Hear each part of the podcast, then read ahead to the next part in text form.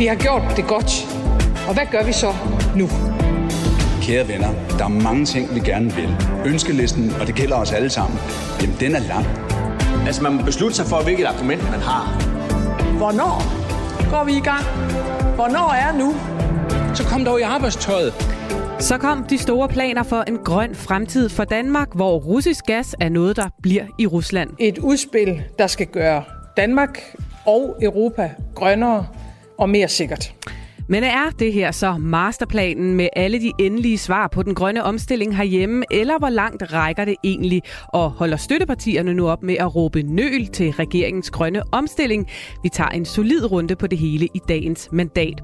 Vi får også besøg i studiet af en ung partileder på en stor opgave. Jeg har en, en, en god mavefornemmelse, en ro i maven over, at øh, vi skal nok lykkes med at få vendt skuden og, og, og spille en meget vigtig rolle, når der er et blot flertal. Alex Vandopslag er i fuld gang med projekt Genoprejsning af Liberal Alliance, og i weekenden skal han gøre status over for sine medlemmer ved det årlige landsmøde. Så hvad vil han sige til dem? Jeg tager en snak med ham om ambitioner og mål for det liberale projekt. Vi skal også lige runde seneste nyt fra Dansk Folkeparti, og selvfølgelig også en tur ud på de sociale medier. Håber, du har haft en god påske og er klar til at stige ombord i dansk politik igen. Det er vi her på Mandat i hvert fald, politisk redaktør Thomas Larsen, og jeg hedder Pernille Rudbæk. Velkommen til. Er Thomas, påskeferien den sluttede bræt kl. 9.00 i går for alle de danske politikere og politiske nørder som dig? Det er fuldstændig rigtigt. Vi er alle sammen i øh, arbejdstøjet og i særdeleshed politikerne, og det skyldes selvfølgelig, at vi står midt i nogle døgn, som vi godt kan tillade os at kalde historiske, fordi der bliver taget altså intet mindre end nogle gigantiske skridt i forhold til den grønne omstilling, som politikerne ønsker på Christiansborg, og det er nogle meget store planer, vi er vidne til. Ja, det var jo netop altså i går klokken 9, at øh, regeringen præsenterede deres plan Danmark kan mere 2. Når vi i Danmark bliver grønnere, så skaber vi tryghed og sikkerhed for Danmark. Når vi bliver grønnere, så, så svækker vi Putin. Og når vi bliver grønnere, så bremser vi de klimaforandringer, der er i gang med at ødelægge vores jordklode. En ambitiøs grøn omstilling er svaret på mange af de alvorlige udfordringer, vi står overfor, både på kort sigt og på lang sigt. Og der har altså været tårnhøje forventninger fra både støttepartier, interesseorganisationer og alverdens e-, energieksperter til netop den her plan. Og Thomas, vi har jo ikke øh, tid til at, at gennemgå hele planen fra start til slut, men hvis vi lige skal dvæle ved et par af punkterne øh, fra planen, ja, så blev det altså klart, at omkring 400.000 danske hjem skal væk fra naturgas, og udrulning af fjernvarme skal være afsluttet i 2028. Der skal strøm fra lav landvindmøller og solenergi, og det skal firedobles inden 2030. Og øh, så præsenterer regeringen jo i dag en ny stor skattereform med højere og mere ensartet CO2-afgift for virksomheder. Som sagt, Thomas, høje forventninger, er de blevet indfriet? Altså, som du selv er inde på, Pernille, det er næsten svært at følge med, fordi det er virkelig meget store, altså dramatiske planer, der kommer, og de kommer jo selvfølgelig, fordi vi er vidne til krigen i Ukraine, og Europa er vågnet op til en i virkeligheden dybt pinagtig virkelighed, der går ud på, at rigtig mange europæiske lande er alt for afhængige af energi fra, fra Rusland. Og det har jo så sat altså gang i en øh, kæmpemæssig øh, omstilling, hvor øh, Europa herunder øh, Danmark nu skal kæmpe for at frigøre sig helt fra tilførelsen af, af russisk øh, gas og, og, og olie. Altså, der er ingen tvivl om, at de skridt, der bliver taget herhjemme, de er store. Øh, det kommer til at gå uh, utrolig stærkt, og grunden til, at det vil kunne lade sig gøre, og der også vil være politisk flertal bag regeringsplaner, tror jeg, det er vores udgangspunkt er så godt. Vi er allerede ret langt i forhold til den grønne omstilling. Vi er samtidig også et land, der er heldige ved, at vi ikke er særlig afhængige altså af, af, af den gas og olie, der kommer fra Rusland, så derfor har vi relativt nemt ved at korte ned på det, øh, kan man sige. Og så har vi altså også nogle økonomiske forudsætninger. Vi har en robust økonomi, der gør, at vi kan lave de nødvendige investeringer. Så udgangspunktet er godt, men nemt bliver det jo ikke nødvendigvis. Hvor gemmer med dine øjne sig de største udfordringer med den her plan? Jamen, jeg tror, der bliver masser af hørtler og udfordringer for regeringen, og også de partier, der vil være med til at lave den her omstilling i den kommende tid. Hvis vi nu bare tager fat i nogle af de altså borgere i øjeblikket, der har et gasfyr øh, derhjemme, øh, de har nu fået at vide, at de skal helst blive koblet til fjernvarmen, eller de skal have installeret en, en varmepumpe, og det er jo simpelthen noget, der kan gribe direkte ind i den enkelte borgers øh, private økonomi. Det kan blive øh, dyrt, det her. Og noget af det, der så bliver fuldstændig afgørende, det er, at regeringen og de øvrige politiske partier lynhurtigt får skabt klarhed over, altså hvilken støtte kan man få, hvem kan få den, hvor stærkt skal det gå, osv. osv. Og der er så også lagt op til en øh, massiv informationsvirksomhed fra myndighedernes side, men den skal altså på plads, fordi folk de skal vide, hvad de har mellem hænderne, de skal vide, hvordan de skal disponere i den kommende tid. Hvis jeg så også skal nævne et andet punkt, som jeg tror kan blive ret kontroversielt, så handler det jo om, at der skal sættes øh, nye øh, møller op på, øh, på land, for simpelthen at få mere vindenergi. Det er meget afgørende for regeringens plan. Og det er jo noget, som mange mennesker umiddelbart støtter det her med at få øh, strøm fra, fra, fra vindmøllerne. Men det er ikke alle, der vil have dem lige i deres egen baghave, jo ikke? Og der er noget af det, som regeringen vil gøre, det er, at for at holde tempoet oppe, så skal, det, så skal man ligesom skære ned på byråkratiet, siger man. Men det kan altså også bare betyde, at der vil være borgere, der ikke får ret til at gøre indsigelse eller få indsnævret deres klagemuligheder. Og der er flere eksperter, der allerede siger, at det kan skabe sådan små lokale oprør. Kort sagt, Pernille, der bliver masser af slagsmål også omkring det her. Og vi skal tage hul på, jeg ved ikke et slagsmål, men en god debat, øh, lige om lidt i hvert fald, hvor vi øh, skal snakke med både Socialdemokratiet og SF om deres udgangspunkt for, for de her forhandlinger. Men allerførst, så skal vi altså lige høre fra Connie Hedegaard, som jo er formand for den grønne tænketank Constito og tidligere EU-klimakommissær, og som jo virkelig ved, hvad der skal til for at komme i mål med den grønne omstilling.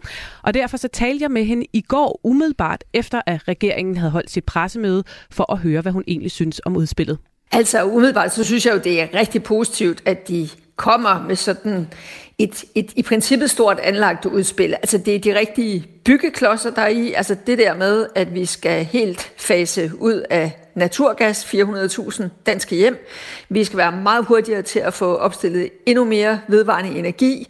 Industriens indsats skal øges, og der skal laves meget mere biogas, og så at det skal ses i relation til også den indsats, vi presser på for i EU. Det synes jeg er de rigtige elementer, det er de rigtige byggeklodser, men det er også klart, at når man så lytter sådan lidt mere efter, hvad der blev sagt til præsentationen i dag, så er der jo selvfølgelig en hel del spørgsmål, som trænger sig på, når det gælder om at få konkretiseret, hvad der ligger bag de pæne ord og hensigtserklæringer. Og hvilke af spørgsmål trænger sig helt konkret på hos dig?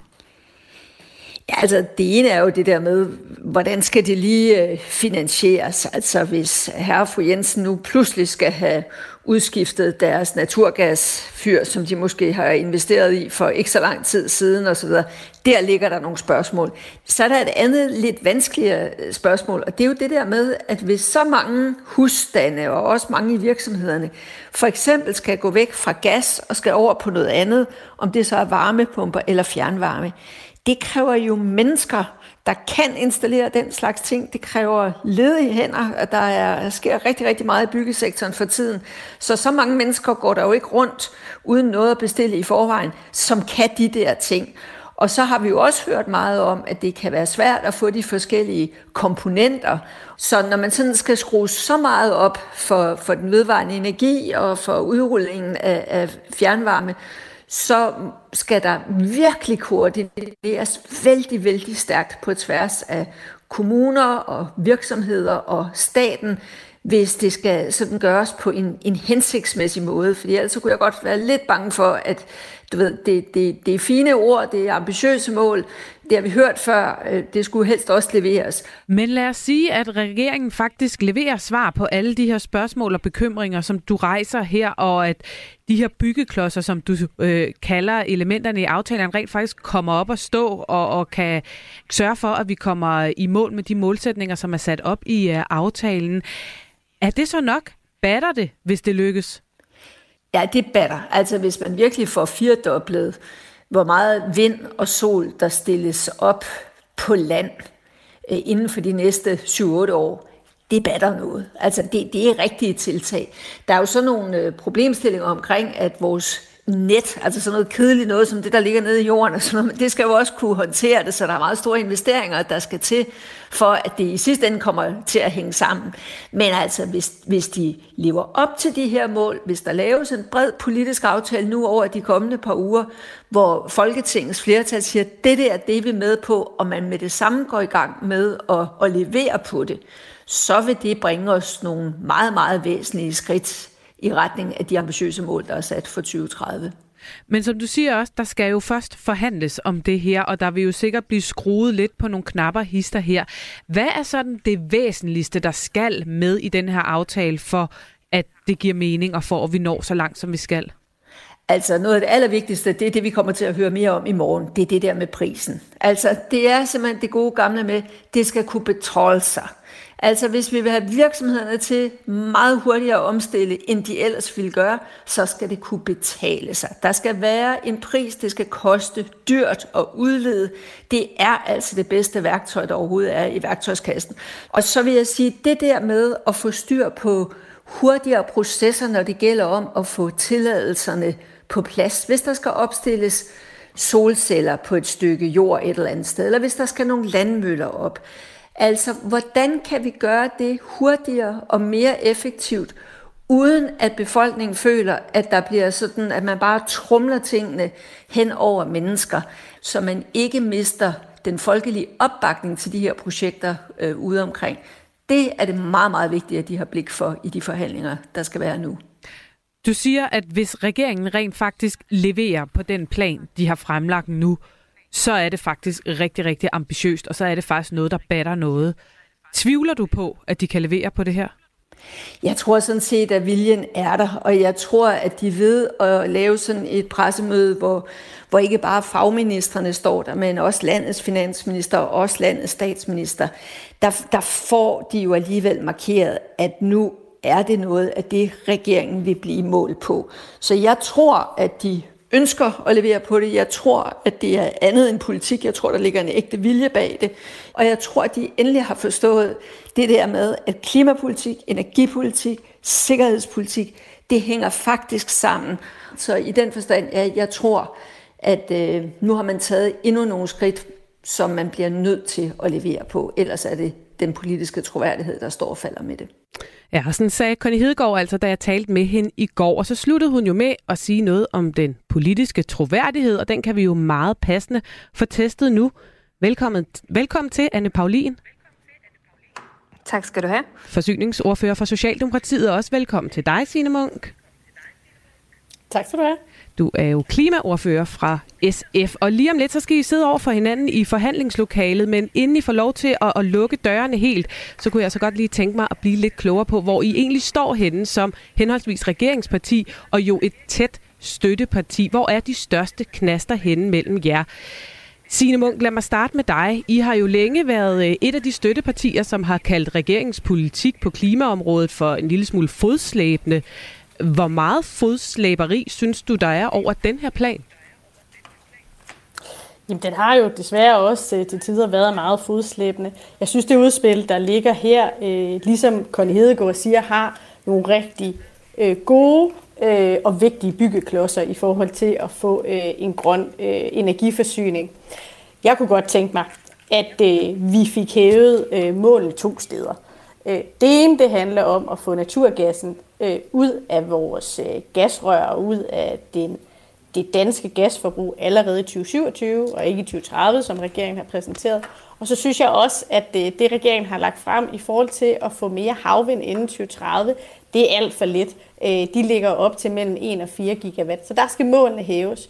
Og ellers så øh, er jeg også lidt, øh, ligesom Connie Hedegaard, nysgerrig på, jamen, hvad er de konkrete virkemidler til noget af det, øh, regeringen har lagt frem, hvor der er gode ambitioner. For eksempel i forhold til at stille flere landvindmøller op og solceller, men hvor der ikke rigtig er nogen værktøjer i kassen. Så der er bestemt noget at forhandle om her, men byggeklodserne er helt rigtige, og der ligger mange gode ambitioner i udspillet, selvom jeg også godt kan stramme skruerne øh, på særligt øh, to steder, naturgassen og havvind øh, ekstra. Og vi vender tilbage til det med tempo og nogle af de andre kritikpunkter lige om lidt. Men bare lige for at slå helt fast, hvor i høj grad mener du, at regeringen nu for alvor er trådt ind i klimakampen? Er de stadig fodslæbende, eller er de der nu? Men altså, jeg ser udspil for udspil, øh, og, øh, og tager diskussion for diskussion på klima- og energiområdet. Når vi ser på det her udspil her, så synes jeg, der er rigtig mange gode elementer. Der er jo også rigtig meget øh, SF-politik i det. Vi har blandt jo også øh, været ude og foreslå varmelån, for eksempel, at fjernvarme skal spille en meget større rolle, som regeringen nu også præsenterer. Så der er rigtig meget godt i det her udspil, og jeg synes, det er et af de øh, hvad hedder det, meget grønne udspil, regeringen er kommet med, så der er bestemt sket et fremskridt her. Det er der ingen tvivl om. Så sådan en moderat begejstring fra SF, Anne Paulin. Jeg kunne godt tænke mig lige at spørge sådan ganske overordnet det, som øh, Sina er inde på her, det som Connie Hedegaard også efterlyser, nemlig øh, nogle af de konkrete værktøjer, som øh, mange gerne vil se. Altså, øh, du er den, der har det bedste kig ned i, i den her værktøjskasse. Ligger der en masse værktøj klar dernede, eller har I virkeligheden tegnet billedet af et flot hus, uden helt at vide, hvordan I skal bygge det? Nej, det, det har vi ikke, men når vi forhandler, så er det jo selvfølgelig også med det udgangspunkt, at vi jo ikke har 90 øh, mandater selv i regeringen, og at vi øh, er nødt til at have en dialog, øh, som vi jo også gerne vil have med et, et bredt flertal af Folketingets øh, partier. Og vi kommer jo allerede i den her uge til at gå i gang med øh, forhandlingerne omkring den her del, som der handler øh, omkring, øh, hvordan vi kommer fri af den, af den russiske gas, og hvordan vi får danskerne over på nogle bedre og nogle grønnere varmekilder. Og der kommer vi jo selvfølgelig til at dykke øh, mere konkret øh, ned i tingene. Det siger sig selv, når man sidder ved, øh, ved forhandlingsbordet. Og så lad os øh, dykke lidt ned i nogle af de kritikpunkter, som du øh, egentlig rejser her, Signe Munk. Øh, et af dem, det handler om tempo. Helt konkret, hvad er problemet her ifølge SF? Hvis vi holder fast i det at få sendt øh, naturgassen i Danmark på pension, så øh, mener jeg dels, at vi kan gøre det allerede med udgangen af 2027, men jeg synes også, at når Anne øh, fra Socialdemokratiet så siger, at det er noget af det, vi skal starte forhandlinger om øh, lige om lidt, så undrer det mig, at man kun i udspillet øh, skriver for eksempel i forhold til mere biogas, som bliver meget, meget vigtigt for, at øh, vi kan få en grøn omstilling af vores gas, at der vil man se på fremrykning af udbud, når der er meget mere, der skal gøres, for eksempel hurtigere godkendelser, vi skal få flere øh, typer øh, biomasse ind, der kan forgasses. Altså det eneste, der står i udbud, det er, eller i, i forslaget, det er, at man skal fremrykke nogle udbud. Det er jo altså ikke nok øh, i forhold til den forhandling, vi skal i gang med. Så der synes jeg, der mangler konkrete øh, værktøjer. Og i forhold til, øh, til, til, til det at få skiftet danskerne væk fra et gasfyr over på fjernvarme, der præsenterer øh, regeringen øh, og Anne jo en masse øh, forslag, men jeg synes, der mangler noget mere håndfast øh, planlægning. Øh, blandt andet i forhold til at få hurtigere tilslutning til fjernvarmeprojekterne. Jeg forstår ikke, hvorfor man for eksempel ikke foreslår øh, en ja-tak-ordning, hvor der, hvor det giver mening at få fjernvarme, at der kobler vi danskerne på øh, i udgangspunktet, i stedet for de her spørgerunder, som jo kan tage op imod et halv, halvandet år, og jo virkelig kan forsinke fjernvarmeudrulningen. Så det er sådan to konkrete steder, i forhold til det, vi skal forhandle lige om lidt, hvor jeg stadig synes, at det, det blaffer lidt i vinden, hvordan, øh, hvordan øh, vi helt skal nå i mål øh, med de ambitioner, regeringen også bare selv har. Anne Paulin, lad os tage fat øh, på den sidste del her. Hvorfor skal I bruge så lang tid på at øh, få danskerne øh, ud af gas forsyningerne? Jamen det vi skal i gang med, det er jo i virkeligheden altså en øvelse, som der jo aldrig er, er set før, at vi simpelthen skal sørge for, at de danskere, som der er på øh, gasnettet, at de skal have et overblik øh, over, øh, hvad deres muligheder er, og der er blevet drillet lidt med, at det er øh, det her med, at man skal have et brev inden udgangen af året, at det lidt sådan er en, en god løsning, der kommer i morgen. Men det er jo i virkeligheden en kæmpestor opgave, at så mange tusindvis af husstande øh, skal over på en, øh, en anden varmekilde. Så det bliver en, en stor øh, koordination, som også Connie Hedegaard er inde øh, på, øh, det her med at, at få skabt det her overblik, øh, så folk de ved, hvad de har at forholde sig til, så de ved, om der kommer fjernvarme i deres område, eller om øh, det er alternative øh, varmekilder, som man skal ud og se sig om øh, efter. Øhm, og øh, hvad der så konkret kan gøres for at speede øh, den proces øh, op, øh, så vi får fjernvarmen øh, etableret så hurtigt som muligt, der er vi jo meget åbne over for at diskutere det med partierne og høre, hvad der kan være af, af gode idéer og input til det. Ja, hvis vi lige skal få fakta helt på plads her, så øh, har I en ambition om, at vi skal have helt grøn gas i 2030, og at, øh, så vidt jeg forstår, øh, naturgassen øh, ude hos de danske hjem, de skal være øh, udfaset i 2000, eller der skal være fjernvarme i 2028, det er korrekt, ikke også? Øh, hvor at øh, SF og, og Venstre, de foreslår 2027. Lad os lige prøve at høre, hvad Connie Hedegaard egentlig siger om det her med tempo i planen. Hvis man nu forestillede sig, at vi i år 2028 har fået 400.000 øh, naturgasfyr i private husholdninger, i private hjem, erstattet med fjernvarme eller varmepumper. Altså man må ikke undervurdere, det, det er på cirka fem år. Ikke? Altså der, det skal gå rigtig, rigtig stærkt.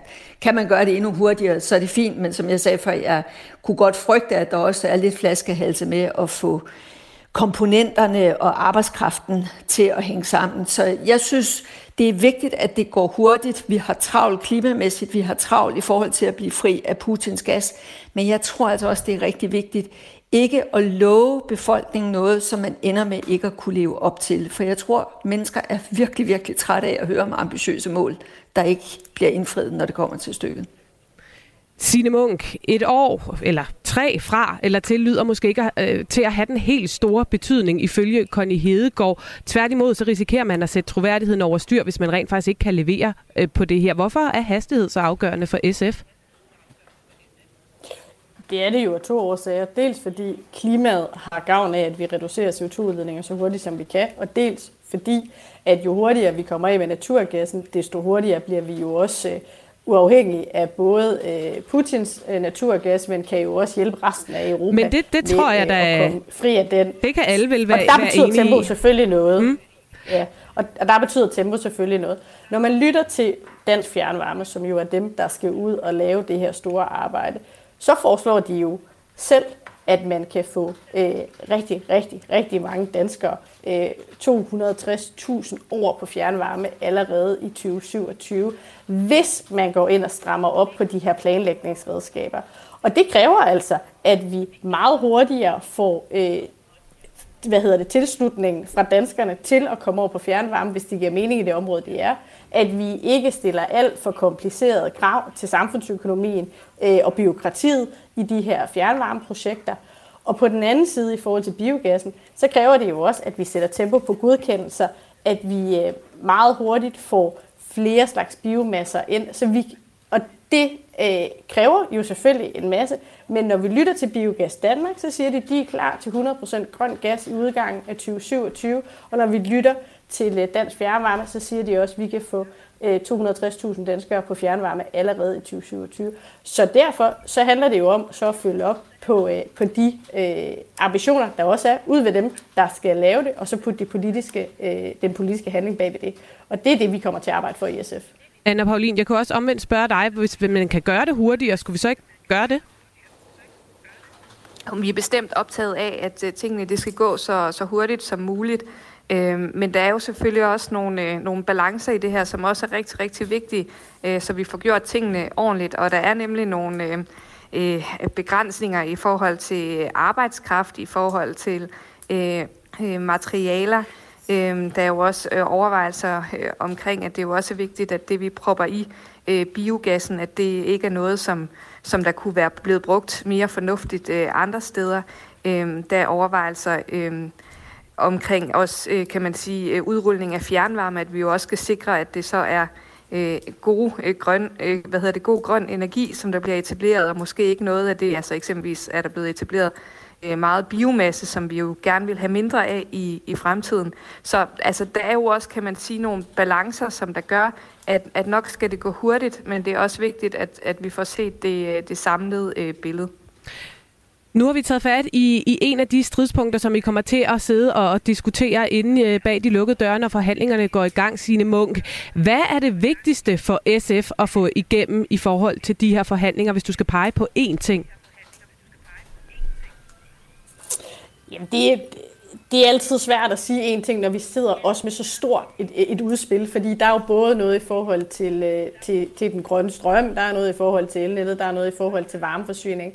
Øh, så for os, så er det vigtigste jo, at vi får en god samlet pakke. Men det, jeg vil jagte i forhandlingerne, det er de tre ting, vi også har snakket om her. Dels, at vi får naturgassen øh, på øh, pension i 20, med udgangen af 2027, at vi øh, får bygget meget mere havvind inden 2030, end det regeringen selv har præsenteret, og så at vi får nogle konkrete redskaber til, at det kan lade sig gøre, for eksempel at få mere land- og solvind, øh, og, øh, og og, og, og at vi bruger de redskaber, der også er i forhold til fjernvarmeudrulning, som er mere håndfaste i planlægningen, end det regeringen lægger op til. Og Anne Paulin, hvis vi her til sidst bare lige skal hæve os lidt op øh, over det hele, så står vi jo midt i en stor sikkerhedspolitisk krise. I skriver selv på første side med store bogstaver, sikkerhedspolitik og klimapolitik går hånd i hånd. Når Danmark og Europa frigør sig fra russisk gas, så vil det svække Putin. Det er jo i virkeligheden det, det handler om. Nu skal I ind og sidde bag lukkede døre og diskutere årstal og detaljer og beløb osv. Hvad er jeres målsætning i forhold til at det skal gå hurtigt, og at det skal lande relativt nemt, det her? Jamen, vi er jo rigtig glade for, at Øhm, det politiske klima er jo til den her diskussion, som vi skal i gang med. Der er jo rigtig, rigtig mange partier, der er optaget af det her, både fordi de er optaget af klimadelen og også af sikkerhedsdelen. Så på den måde, så er der jo nogle rigtig gode forudsætninger for, at vi kan få lavet en, en god og forhåbentlig også en, en bred aftale, som mange partier kan se sig i, øh, fordi det er jo noget, som er i vores allesammens interesse. Og så kommer der jo også øh, helt konkret her om en halv time, tror jeg det er, det bliver præsenteret, øh, regeringens øh, udspil til en grøn skattereform, som øh, også kommer til at være øh, meget konkret, konkret, som kommer til at være øh, regeringens øh, enkeltstående største sådan, øh, klimaudspil, hvis man måler på, øh, på øh, reduktioner øh, CO2-reduktioner. Øh, så det kommer jo i den grad også til at være en reform, som også skal være med til at være en motor i, at vi kan lykkes med de her visioner. Men hvilken øh, slags aftale går I efter her? Bliver det en aftale, I skal lave med støttepartierne, eller vil I gerne have de andre med? Altså, vi er jo altid i udgangspunktet glade for brede aftaler, fordi at så ved man, hvad man skal forholde sig til. Øhm, også øh, hvis der skulle komme en ny øh, regering. Så jeg tror, det er i alles interesse, øh, at vi, øh, vi kigger på at lave mange af de her ting brede og øh, hen over, over den politiske øh, midte. Øhm, og øh, det er jo også, kan man sige, en, øh, en sektor, der har brug for nogle, nogle øh, faste rammevilkår. Øhm, så jeg kan ikke se andet, end at øh, det er vores udgangspunkt, at vi selvfølgelig, som vi gør på mange øh, andre øh, områder, når, når vi taler om energiområdet, gerne vil lave det her bredt. Tak, fordi I var med begge to. Anne Paulin, forsyningsordfører for Socialdemokratiet, og Signe Munk, klimaordfører for SF. For mig skal der bare lyde et ønske om at række hånden frem. Så venner, vi har meget, vi kan løse sammen. I politiske symboler og i kommunikationsstrategier frem for øh, reelt indhold. Du lytter til Mandat Radio 4's politiske magasin, hvor vi er i fuld gang med at nørde rundt i regeringens store udspil fra i går, Danmark kan mere 2. Og nu skal vi trække udspillet helt ind i det politiske maskinrum og se lidt på, hvordan det mere bredt er blevet modtaget, kommunikeret, og ikke mindst hvilke balancegange, der nu venter. Både på øh, virkelighedens Christiansborg, men øh, også på de sociale medier. Og Thomas, du øh, klarer som altid virkelighedens Christiansborg, og så hej til dig, Markus Stolze. Og jeg skal lige skrue for den rigtige øh, mikrofon. Er du der? Yes, det er godt. Du er jo vores øh, faste ekspert i politik på sociale medier. Øhm, nu har vi talt meget om pressemødet i går, men hvordan er udspillet blevet skudt afsted på de sociale medier? Jamen, øh, egentlig sådan lidt stille og roligt, synes jeg. Men, men der, har, der har været øh, øh en række opslag fra, fra nogle af ministerne og de højt profilerede socialdemokrater på, på Facebook, øh, hvor de har været ude og tale det her udspil op, øh, og, og det virker relativt sådan øh, orkestreret fra, fra Socialdemokratiets side. Øh, vi ser en række opslag, der kommer ud nogenlunde samme tid fra blandt andet Dan Jørgensen, Mette Frederiksen, Kåre Dybved og Astrid Krav, altså nogle af regeringens højt profilerede ministre, øh, med nogenlunde samme samme talepinde. Det er alt sammen noget med, øh, at vi skal gøre os uafhængige af russisk gas, og at sikkerhedspolitik er lige med klimapolitik. Det, det er nogle af de ting, der går igen i mange opslagene. Og hvordan har reaktionerne været på de sociale medier? Jamen altså, Socialdemokratiet kæmper måske en lille smule med at få danskerne, i hvert fald på Facebook, op af stolen over det her udspil. Uh, en meget sjov uh, sammenligning på, på det, det, det var, at øh, Mette Frederiksen i, i, øh, i mandags lavede et påskeopslag med hende og hendes øh, mand Bo, øh, der i skrivende stund har, eller nuværende har fået øh, omkring 30.000 reaktioner på, på det opslag, hvor hun ønskede sine følgere god påske, et rigtigt hygge og øh, opslag. Øh, uh, I øh, går lavede hun så et opslag øh, omkring det her nye udspil, Danmark kan mere 2, som, som lige nu kun har omkring 8.000 reaktioner til sammenligning. Så de kæmper lidt med at få danskerne øh, engageret i det her, øh, og må ikke også, der kommer noget øh, her efter kl. 12, når de præsenterer den her nye CO2-beskatning, hvor jeg tænker, de får lidt samme udfordring. Og derfor så forventer jeg også, at de kommer til at køre noget kampagne på det her. Alt andet vil, vil virkelig undre mig. Altså bruge nogle penge på at få det her budskab øh, bredt mere ud, fordi det er svært at få danskerne interagere, til at interagere med det her organisk. Jamen, det er jo også øh, super kompliceret stof med rigtig mange teknikaliteter i, og alligevel så vil der jo på et tidspunkt sidde nogle danskere derude og øh, mærke konsekvenserne af, at de faktisk skal af med et gasfyr, for mm. eksempel.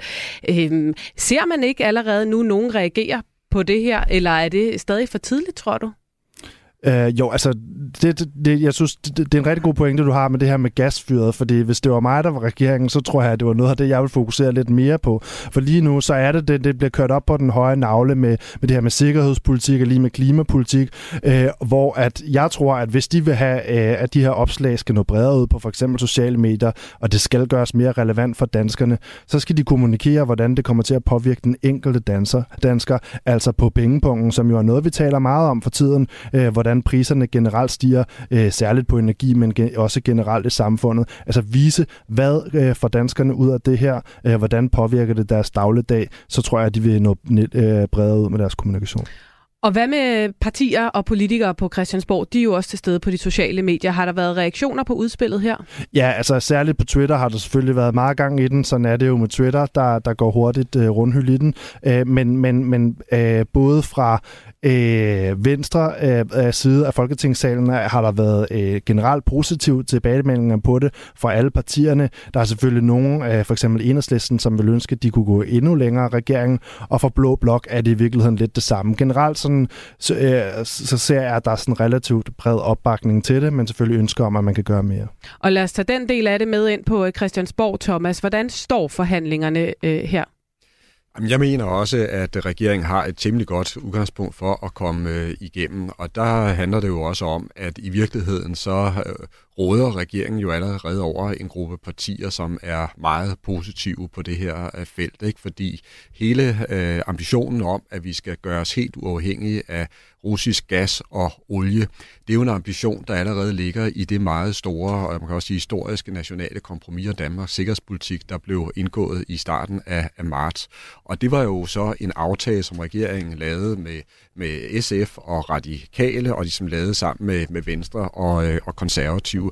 Og det vil sige, at allerede der, der har regeringen jo et øh, stærkt øh, udgangspunkt. Og så tror jeg også, man kan sige, når man ser ud over Christiansborg lige nu, der er der en fælles erkendelse af, at man ikke skal være sårbar over for Rusland, når det handler om at få energi. Og derfor så er der også, tror jeg, en fælles ambition om simpelthen at, at, at følge regeringen et, øh, et stykke af vejen her. Men jeg er så også fuldstændig enig med Markus i, at øh, i løbet af meget kort tid, så kan de her slogans om at være grønne og om at være uafhængige ikke bære i sig selv, fordi der sidder rent faktisk flere hundrede tusinder af danskere, som vil vide, hvad betyder det her for deres pengepunkt, hvordan skal de udskifte deres gasfyr, hvilken støtte kan de få, og derfor bliver det helt afgørende, at de får information meget hurtigt.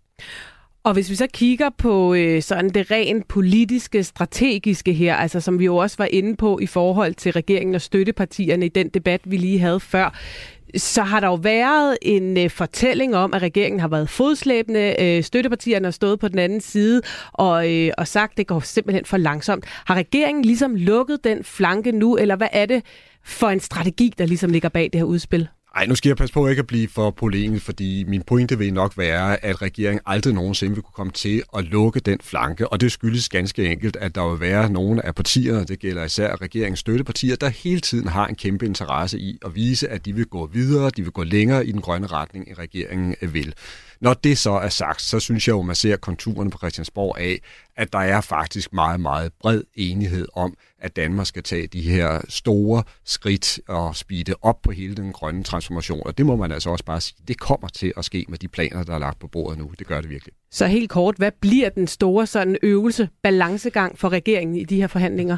Den øh, store øvelse, den bliver simpelthen at, øh, at give svar på alle de her helt konkrete spørgsmål til borgerne om, hvordan udskiftningen af deres gasfyr for eksempel skal, skal ske. Og det er altså store tal, vi taler om. Altså det er 100.000 af borgere, det her det i virkeligheden kan komme til at, at, øh, at påvirke ganske meget. Så det skal der simpelthen gives øh, svar på. Og så tror jeg også, det er helt åbenlyst, at det er meget afgørende for regeringen, at det her det bliver lavet med det bredest mulige flertal. Det er netop nogle store omlægninger, der skal i gang. Og ser vi også på den grønne skat, som øh, virksomhederne skal til at betale fremover, så er det helt afgørende for dansk erhvervsliv, at det er noget, altså de kan se langt ud i fremtiden, og det vil sige, at de kan disponere efter, investere efter, og det vil et politisk, altså et bredt politisk flertal være den bedste garant for.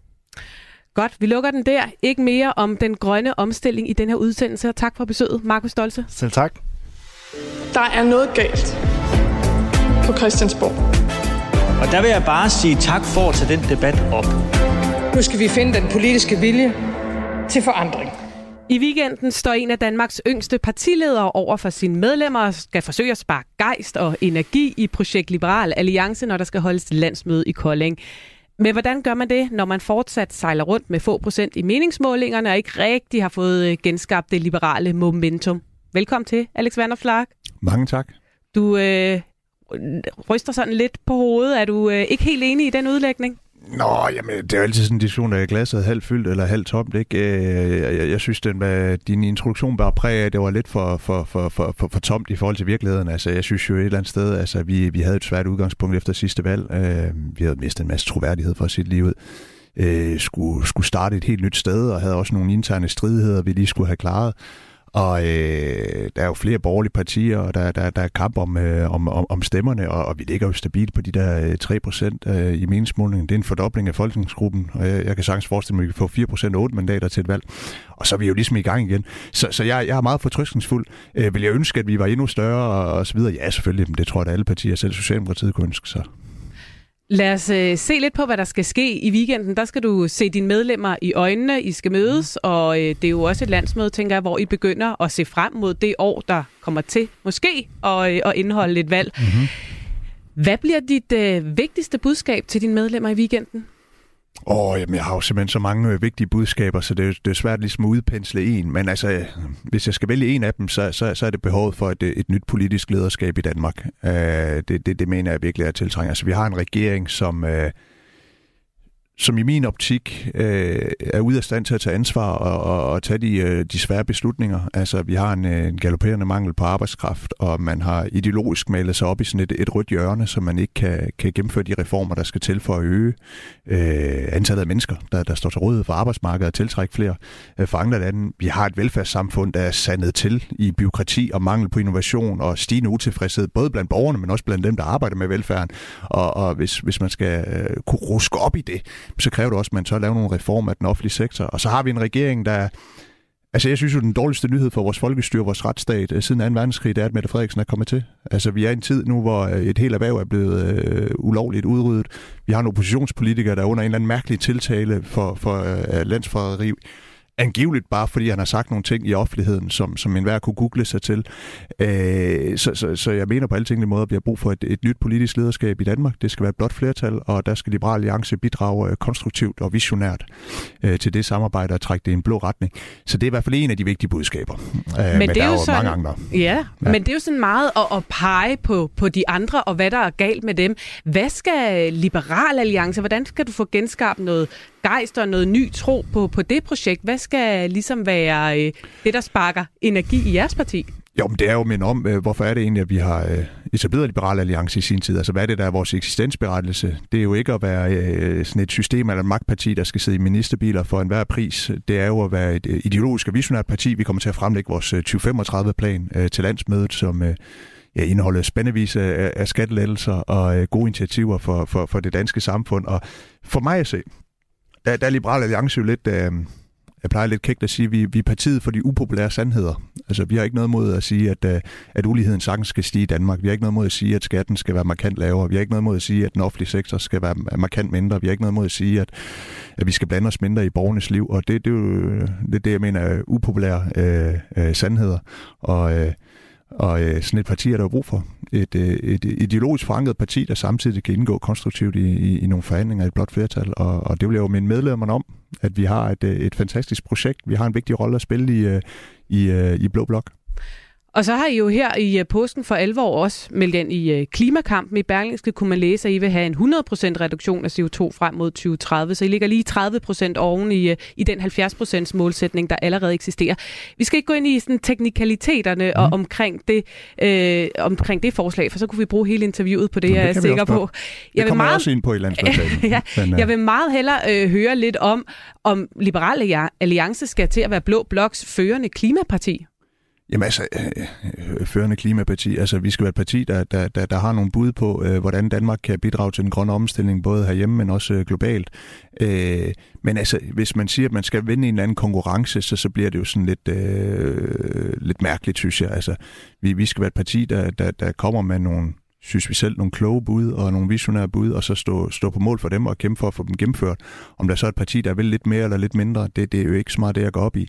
Det vi har foreslået, det er jo, at vi, vi vender blikket lidt væk fra vores egen navle i, i, i klimapolitikken, og så tænker på øh, klimaforandringerne globale, og øh, der, hvor vi for alvor også kan gøre en indsats, ud over det, vi allerede gør herhjemme med 70% målsætning og de her ting, som regeringen også lægger op til, I talte om lige før, jamen det er jo at hjælpe andre lande med at reducere deres CO2-udslip. Altså vi har allerede i dag, øh, jeg ved godt, vi ikke skulle gå ind i teknikken, men vi har et samarbejde med Kina i dag, hvor vi har implementeret noget dansk teknologi på deres kulkraftværker. Det sparer dem for 19 millioner ton CO2 Altså det er 63 procent af al den CO2-besparelse, vi vil have frem til, til, til, til 2030 i Danmark. Altså det er jo en, en enorm indsats, og det har ikke kostet særlig mange penge, så hvis vi kan forpligte os til at gøre meget mere af det, så gør vi en større forskel øh, globalt, og så kan det godt være, at vi ikke lige kan stå på et pressemøde herhjemme, men altså, det går jo nok.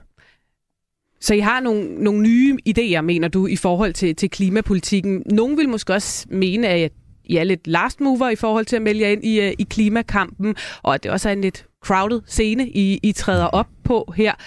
Er det øh, bedre sent end aldrig for Liberal Alliance og klimapolitikken? Ja, men sådan kan man nok godt sige det, ja.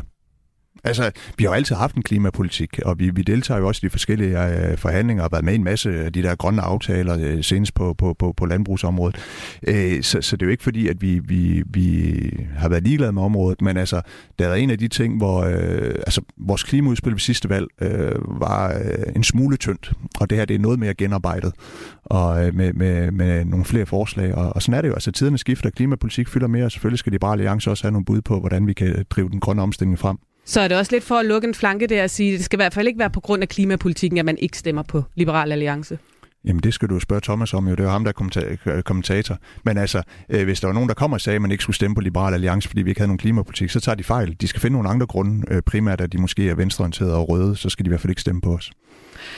Hvis vi så kigger frem mod det her valg, du siger, at I har en 4% målsætning. I skal have, øh, om ikke genoprejst det liberale alliance til tidligere tiders størrelse, så skal I i hvert fald øh, finde en eller anden solid, solid størrelse øh, mm-hmm. og, og møde det her og valg med. Hvor tryg er du ved, at det kommer til at lykkes? Jamen altså, jeg, jeg, jeg går ind i valgkampen med, jeg vil ikke sige ro i maven, det, det, det, det er sådan en åndssvag kliché, men, men, men, men spændt og fortrykningsfuld, og jeg tror, vi får et, et, et godt valg. Men altså, jeg accepterer, at jeg har valgt et erhverv, hvor der er en risiko. Altså der er der en risiko for, at vi røver ud af Folketinget og skal finde noget andet at lave, og sådan er det jo. Altså der er også en potentiel upside, der er, at vi, vi får et blot flertal, at øh, uh, Liberale Alliance har nogle vigtige mandater, og vi kan få gennemført noget af vores politik. Uh, så uh, altså, uh, jeg kommer ikke her og sige, at, uh, at der er nul uh, sandsynlighed for, at vi røver ud af Folketinget. Det kan godt være. Jeg tror ikke, det sker. Men, men jeg accepterer, at risikoen er der. Altså sådan, sådan er det jo. Det, det er man nødt til, når, når man har påtaget sig sådan en opgave, som, som jeg har. Hvis det så lykkes, øh, som du jo arbejder for og tror mm. på. Hvilken rolle ønsker du så, at Liberal Alliance skal spille i dansk politik efter næste valg?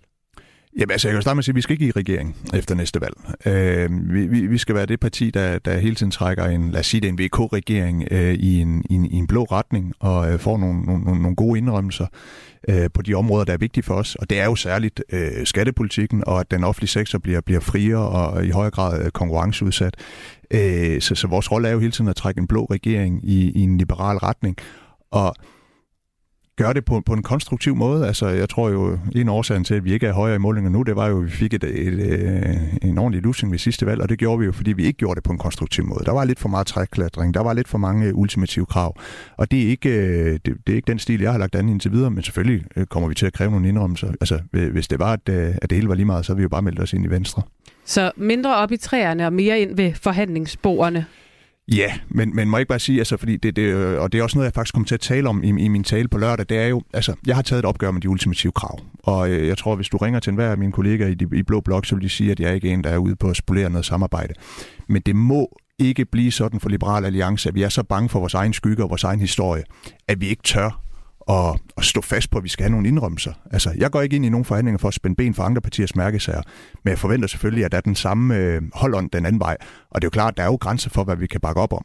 Og, og hvis ikke vi får nogle indrømmelser på skat, på den offentlige sektor, noget retspolitisk, øh, jamen så kunne vi jo lige så godt melde os ind i Venstre. Så er vi jo et ligegyldigt parti. Så, så vi kommer jo også til at kæmpe, så, så, så blodet sprøjter, men vi kommer til at gøre det øh, klogere og mere konstruktivt, end, end vi måske gjorde sidste øh, valgperiode.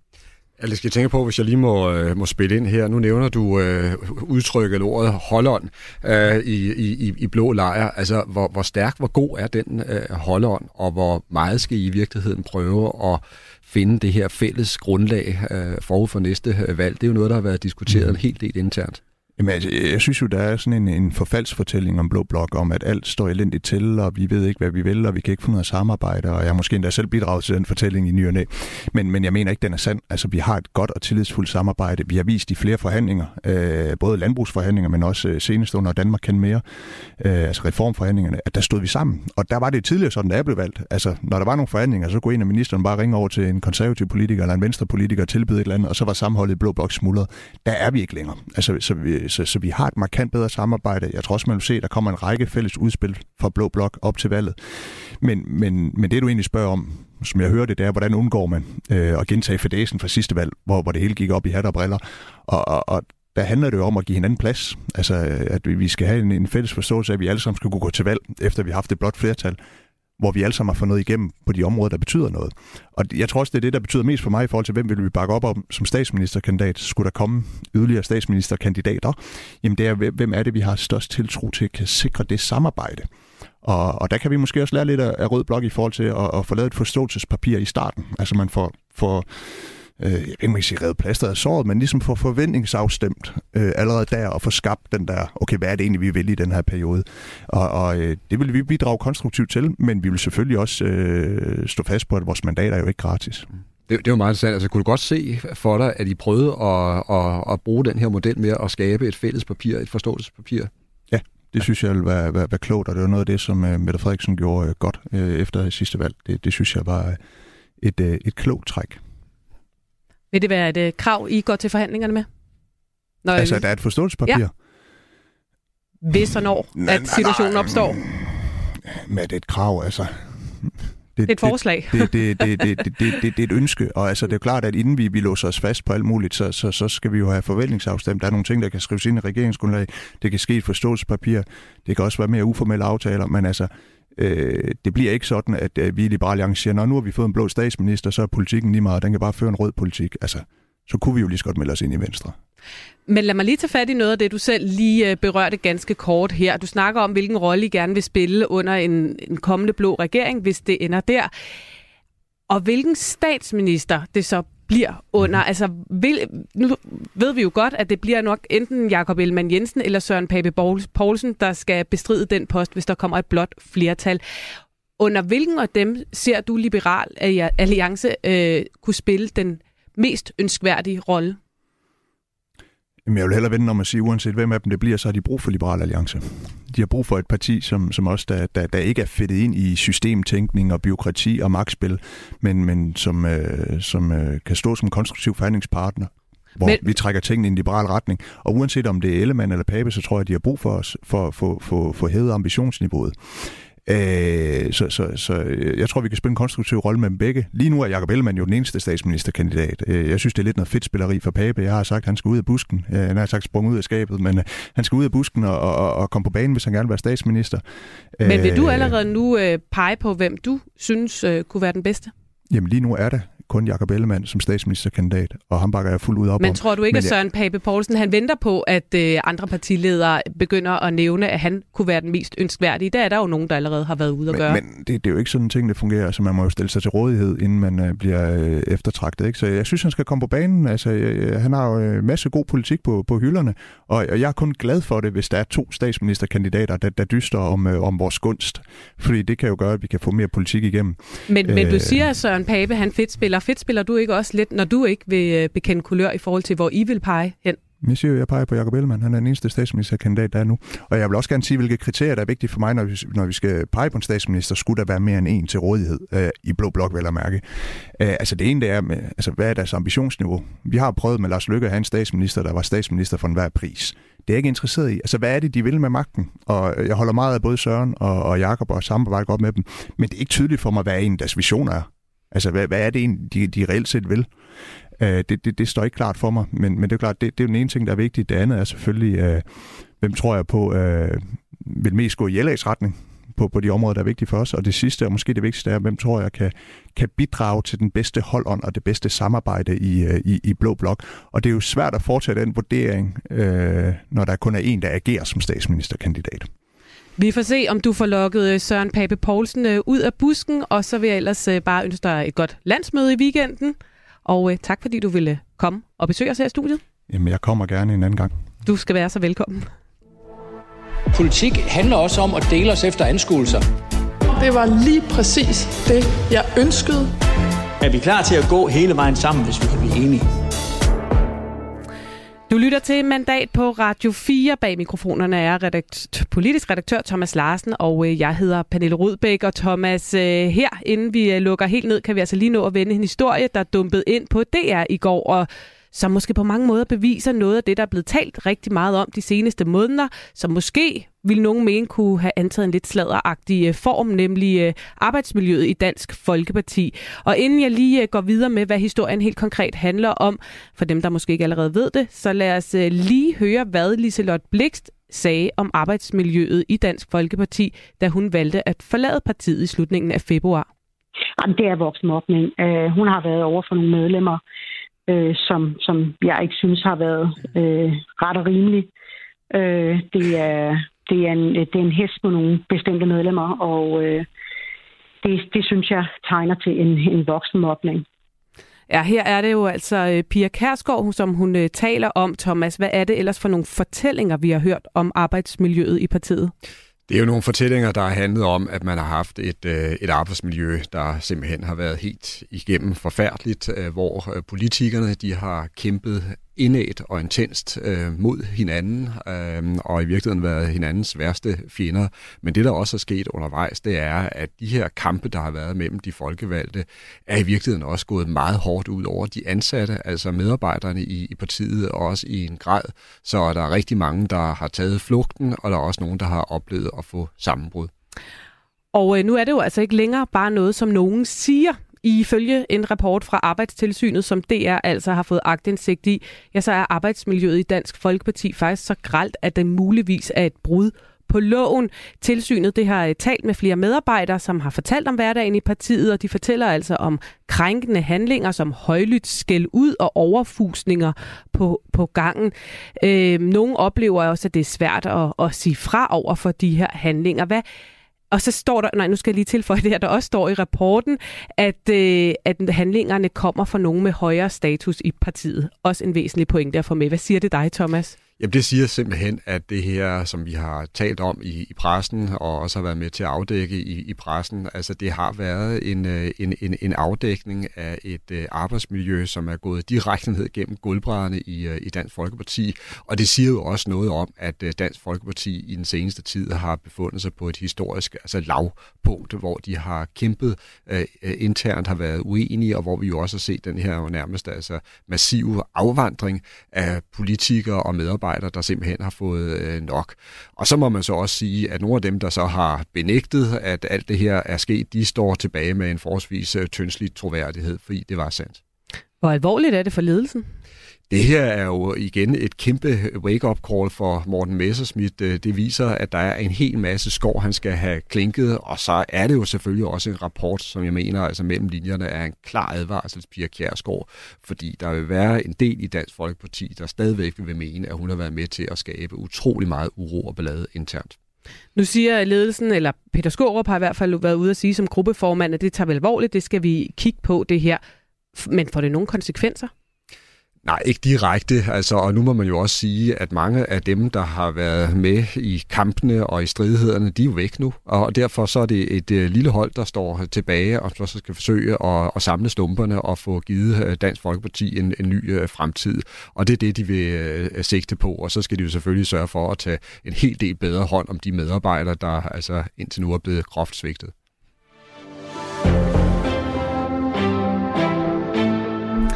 Ja, og så er vi altså så småt ved at skulle runde af for i dag om øh, ganske få minutter, nemlig når klokken slår 12, Thomas, så sker der jo allerede nye vilde ting i danske i Jamen, dansk politik. Jamen det gør der, fordi der kommer vi så til at se planen for, hvor dan, danske virksomheder fremover skal betale en, en grøn skat, og det handler jo selvfølgelig uh, hele vejen igennem om at få dem til at bruge så lidt gas og olie som overhovedet muligt. Så det er også en kæmpe historie. Jeg forudser, at det er noget, som regeringen også vil få politisk opbakning til. Det er noget, der bliver realiseret. Og en øh, kort overskrift mere på, hvad der ellers kommer til at røre sig den kommende uge. Jamen det her, det er, det er simpelthen det, det, det største, der sker i, øh, i, i dansk øh, politik øh, lige nu. Det bliver simpelthen den store grønne omstilling, og så kommer EU-kampagnen op i gear, og så er der jo altså også et landsmøde, som vi skal holde øje med i Liberale Alliance. Og så når vi ikke mere i, i dagens mandat. Tak til dagens gæster, Conny Hedegaard, Anne Paulin, Signe Munk, Markus Stolze og Alex Vandopslag. Vi er tilbage igen i din radio om en uge som altid, og husk, at du selvfølgelig også altid kan lytte med som podcast i Radio 4's helt egen app. Tusind tak, fordi du lyttede med. Vi høres ved.